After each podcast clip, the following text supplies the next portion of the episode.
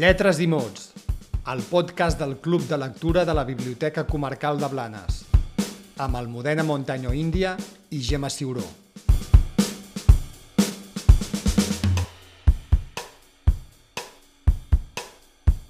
La història de la que parlarem avui és la d'uns amants que mai viuran junts, una relació apassionant d'un home i una dona que es coneixen al Museu de Ciències Naturals de Berlín. Aquest és el punt de partida de la novel·la que tractarem al capítol d'avui del podcast Lletres i Mots, de la Biblioteca Comarcal de Blanes. Es tracta d'Animal Trist, de l'escriptora alemanya Mònica Maron.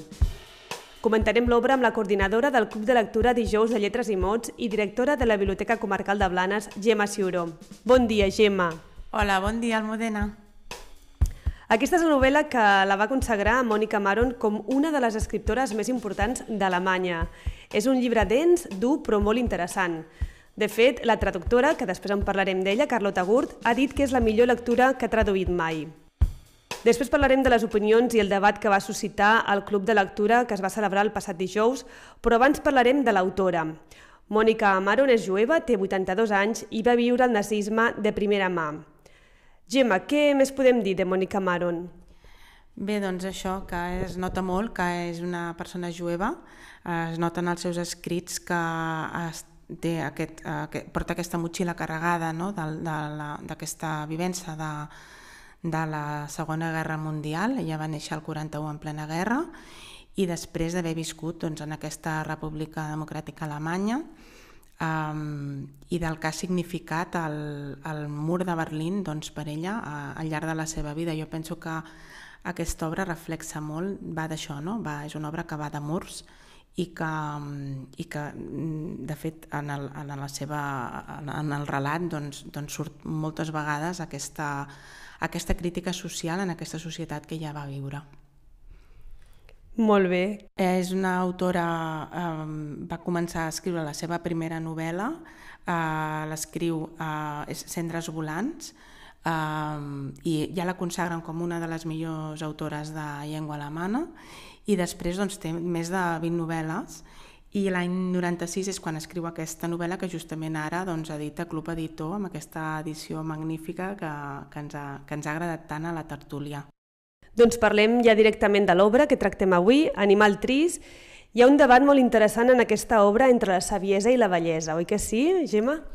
Sí, hi ha un debat interessant entre la saviesa i la bellesa, hi ha un debat entre l'amor i la mort, hi ha eh, el tema central també del pas del temps, del deteriorament humà, però sobretot això que et deia abans, no? dels murs personals i, els murs físics, no? com, eh, com per ella va ser el mur de Berlín, que surt diverses vegades dins de la novel·la, i també els murs personals que, que les vivències que cadascun tenim doncs, fa que anem creant i que moltes vegades són insondables, vull dir que són murs que no podem acabar de traspassar.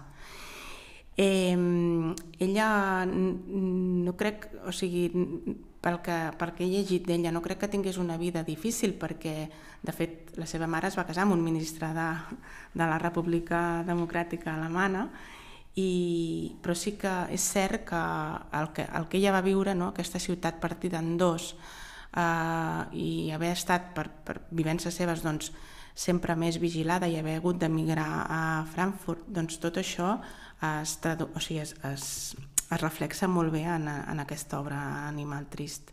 Sí, perquè el narrador de l'obra és la protagonista, que escriu en primera persona la seva història d'amor, que comença molt trista. De fet, mm, la protagonista explica doncs, que no sap ni l'edat que té perquè diu que és molt gran, també diu que no sap si té amics vius perquè ja fa temps que no relaciona amb la gent. És una mica doncs, dura, no? des d'aquest punt de vista com moral, no? i de, del pas del temps, de, que ja no té com il·lusió per la vida, eh, ha passat moltes coses i ha perdut un amor, no? Sí. Jo eh, el que havíem destacat és que és una història d'amor i de guerra explicada en passat des de la bellesa i en primera persona la protagonista fa un repàs de la seva vida quan ja és gran i viu autorrecluïda física i mentalment. Ella fa una autorreclusió i fins i tot es, es lesiona els ulls per no veure-hi. Mònica Maron ho fa en veus pinzellades de... O sigui, li dona aquesta protagonista que en cap, cap moment surt el seu nom, després parlarem dels personatges de, de l'obra, eh, doncs la protagonista fa un repàs a, a, a aquesta vida en breus pinzellades de memòria, barrejant el real, o sigui, la, la realitat que ella pot percebre eh, molt deteriorada doncs, per aquesta bellesa ja incipient, barrejant això real amb allò que podria haver estat i amb records eh, d'aquest amor que, que agafa com a pretext Mònica Marum com a nus argumental, no? com a tema central de l'obra. Aquests records estan com esbiaixats per, per la passió. La història d'amor que ella ens, ens escriu és una història d'amor que en si és força simple, no? és la persona enamorada d'aquest amant que mai acaba d'aconseguir del tot, no? que és aquest mm, personatge Franz que està casat, que viu amb la seva dona, que, doncs bé, que, que, que té aquestes, aquestes trobades amb ella, no? però que mai arriba a ser del tot seu. Això doncs, ha sortit a la història de la literatura milions i milions de vegades i de fet és un argument bastant simple. El que és bonic és com ella el vesteix aquesta protagonista que ens parla des de la bellesa, aquest deteriorament que fa que constantment estiguis amb una nebulosa, que els personatges no es veuen prou clars, només hi ha dos o tres personatges clars, i això, doncs bé, eh, per mi està escrit d'una manera molt, molt intel·ligent, no? i alhora doncs, molt metafòrica, té, és una novel·la carregada de simbolisme. Sí, perquè ella explica els fets i de vegades diu, no sé si és veritat o m'ho he pensat jo, no? com si el pas dels anys i la bellesa no acaben de veure clar on acaba la realitat i comença la ficció. Exacte. L'amor que ella sent amb en Franz, a vegades, o sigui, també mm, un altre tema de l'obra és a la memòria, no? com, com se'ns va deteriorant la memòria i com fem els humans aquesta memòria selectiva, que recordem les coses que ens interessa recordar i les que no, doncs no. I a vegades també com vivim les coses amb un record que és això, esbiaixat per la passió que sentim. O sigui, no, certament dèiem l'altre dia a la tertúlia que tots vivim les coses a la nostra manera i les recordem a la nostra manera i segurament el record que tindrem doncs, eh, d'una determinada cosa que ens ha passat a dues persones en el mateix moment, doncs segurament serà molt diferent perquè la nostra motxilla personal doncs, fa que aquest record sigui esbiaixat. Sí, al llibre, doncs això, es veu la, el deteriorament de la memòria i també el deteriorament del cos, no? de la, del cos físic. Sí, exacte. Ja és un, és un llibre que, que parla d'això, de, de l'amor la, i, com te deia abans, de la mort, perquè és com aquesta, aquest progrés cap a, cap a aquest final. O sigui, és un llibre que et porta, ja veus que s'entreveu un final eh, d'aquesta protagonista, un final proper, doncs, perquè ja està molt deteriorada i perquè doncs, està arribant al final de la seva vida. Eh, és un llibre de, o sigui, de temes centrals, doncs, evidentment l'amor i l'enamorament. Hi han dues pàgines pels qui vulguin fullejar-lo, la pàgina 23 i 24, jo crec que mm, no he vist mai una descripció tan bonica de l'enamorament, si puc llegir un trosset. I tant, doncs escoltem una, uns fragments no, de, del llibre Animal Trist, Mira, diu, és indiferent si tinc 100 anys o 80, si és des dels 40, als 30 o als 60 que penso què passa quan anem a parar en aquest estat d'ànim del quan diem estimo. Encara que m'hi trenqués al cap 50 anys més, no en trauria l'entrellat, per no saber no sé si l'amor se'ns fica dins o si ens esclata de dins cap a fora. De vegades crec que se'ns fica dins com una criatura aliena que ens sotja durant mesos o anys i tot, fins que en algun moment, assajats pels records o pels somnis, obrim amb els poros, pels quals penetra en pocs segons i se'ns barreja amb tot allò que la pell envolta. Preciós, no? és brutal, saps? És que és, és molt bé, ha estat molt ben escrit. Després diu, o si se'ns fica dins com un virus que nia i perviu, quiet dins nostre fins que un dia ens troba prou predisposats i indefensos per esclatar com una malaltia incurable però també em puc imaginar que ens viu a dins des de que naixem com un presoner. Només, de vegades, aconsegueix alliberar-se i escapar de la presó que li som. Quan me l'imagino com un presoner de per vida, que s'ha escapat és quan millor puc entendre per què els rars moments de llibertat s'esvalota tant, per què ens tormenta d'una manera tan despietada, per què ens aboca a totes les promeses i alhora a totes les desgràcies, com si ens volgués mostrar que estaria disposat a donar-nos si li permetéssim i quin càstig mereixem per no deixar-lo manar. O sigui, és com... Brutal, no? Per, com personificar l'amor, saps? Com una cosa que no, no saps si de... No sé, no, jo no hi havia pensat mai amb l'amor des d'aquesta perspectiva, no? O sigui, que és d'una introspecció increïble. Potser també ella ha arribat a una edat, no?, ha escrit tota la vida, no? ha viscut eh, també en un, un clima familiar de molta política, molts, molts problemes no? arran, arran d'aquesta política mm, i moments convulsos no? a Alemanya i així, potser hi ha ve com una mica de, des de la manera de pensar d'una persona gran, no? que ha viscut moltes coses, potser l'amor i el desamor, no sabem tampoc, no sé l'autora si ha viscut també, si és autobiogràfica, mm, no ho sabem, eh?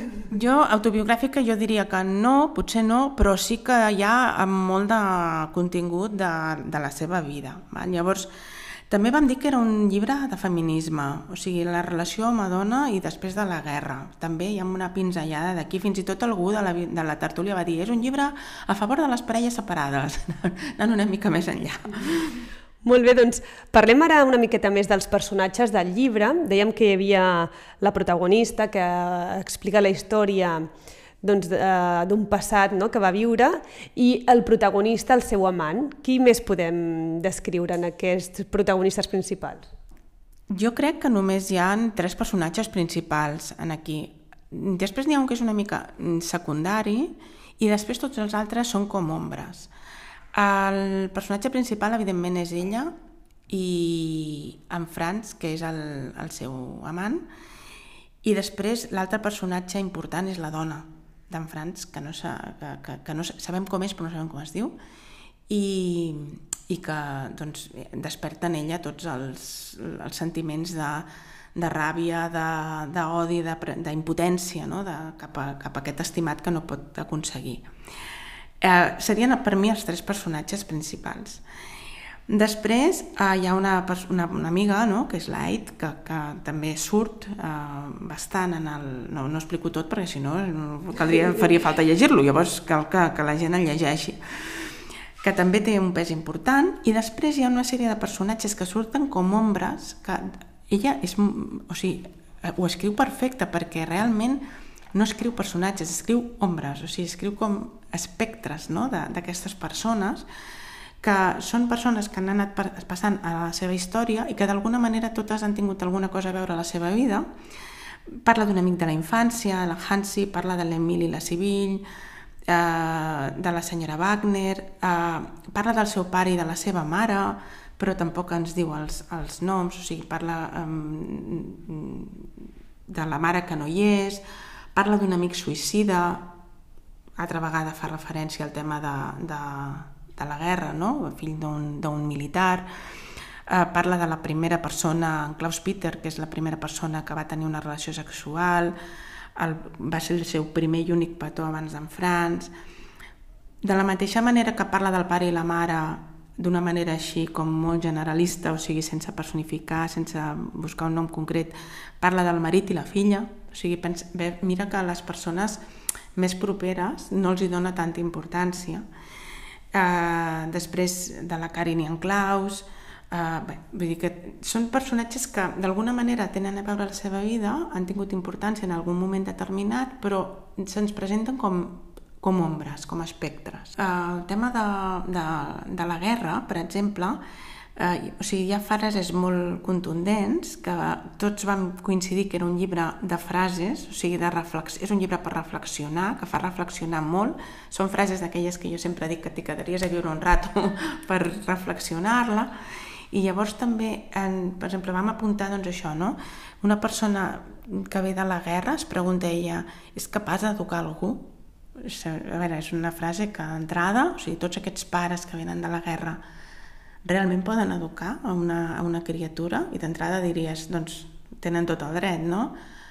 Però realment, què, què estan transmetent, què transmetran? Clar, doncs això és un tema que està d'actualitat. Veiem actualment les guerres, aquests nens, no? aquests infants que queden o a vegades sense pares o sense pare, o si tornen els pares, com venen, no? com poden educar i um, aquestes imatges que deuen tenir esgarrifoses no? de la guerra, deu ser molt dur doncs, haver d'educar un fill havent viscut tot això.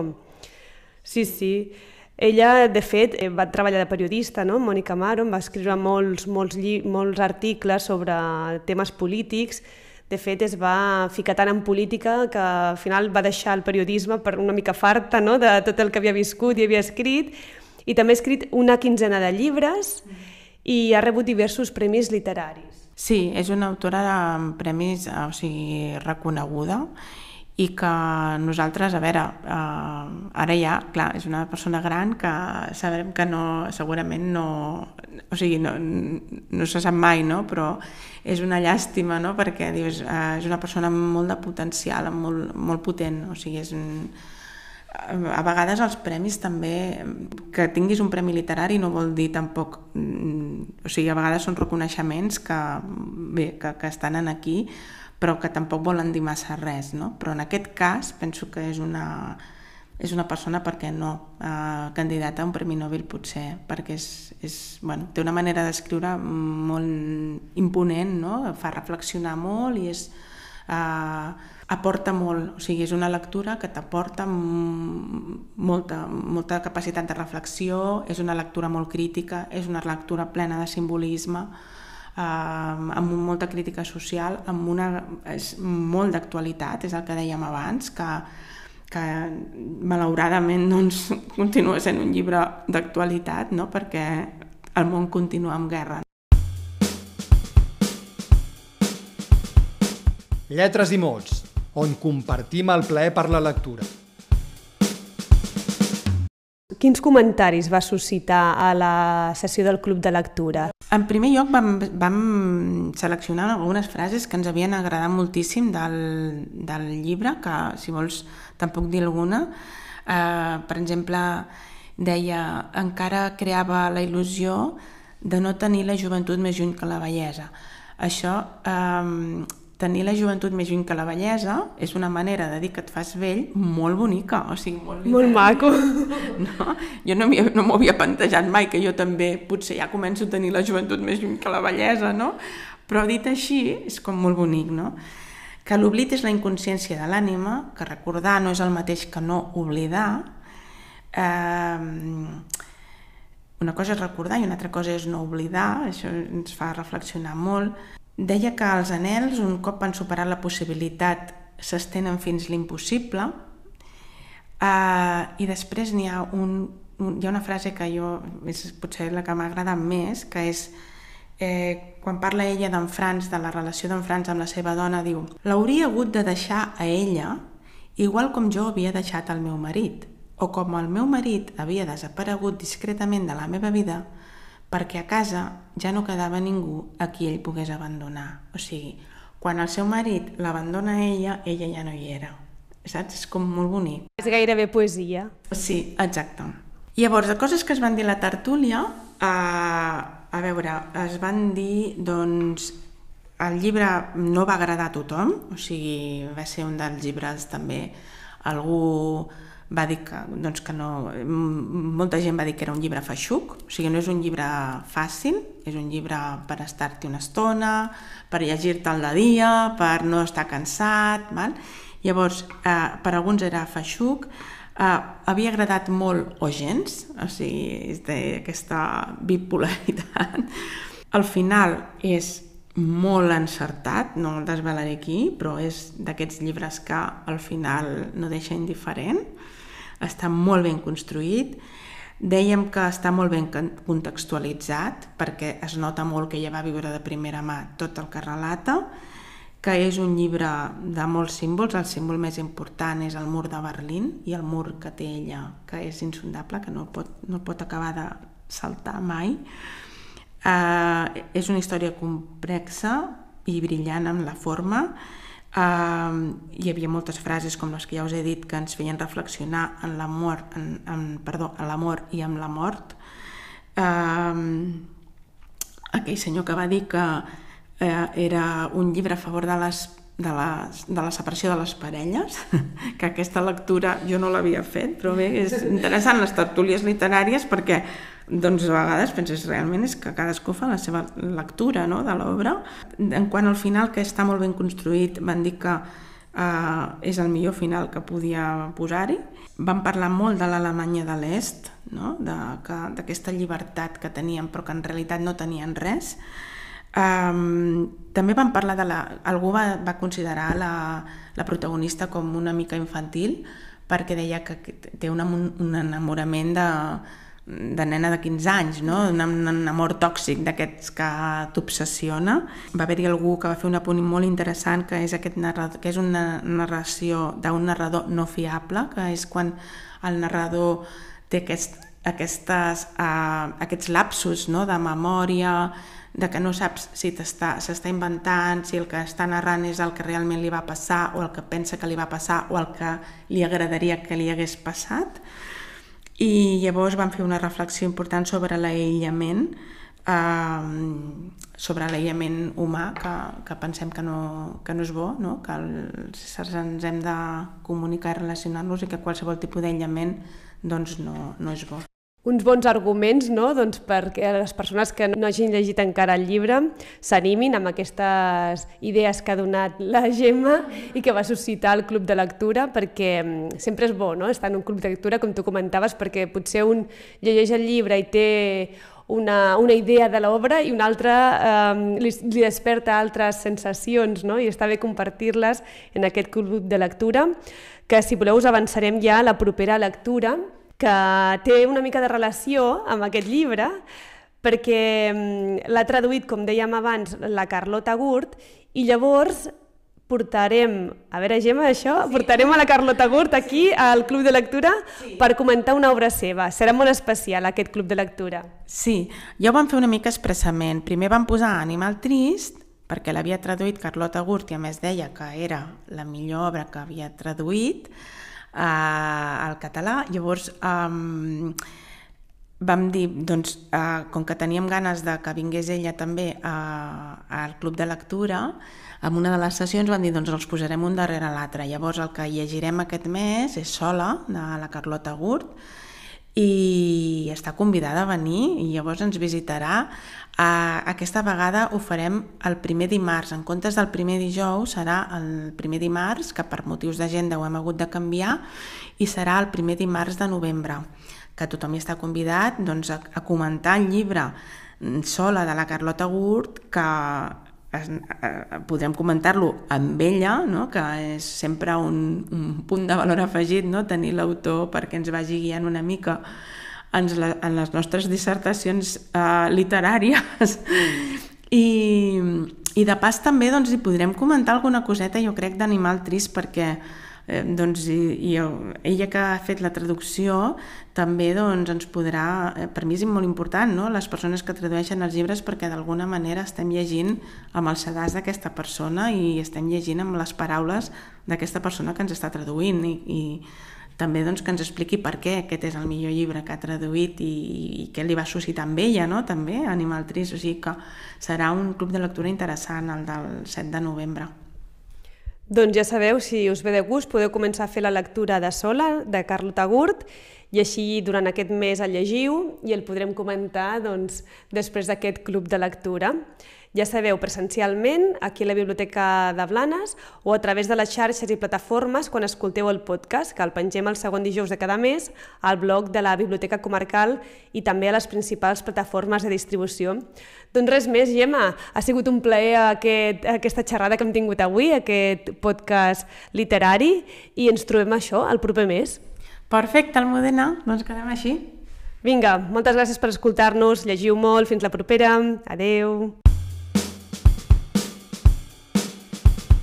Lletres i mots, el podcast del Club de Lectura de la Biblioteca Comarcal de Blanes, amb Almudena Montaño Índia i Gemma Ciuró.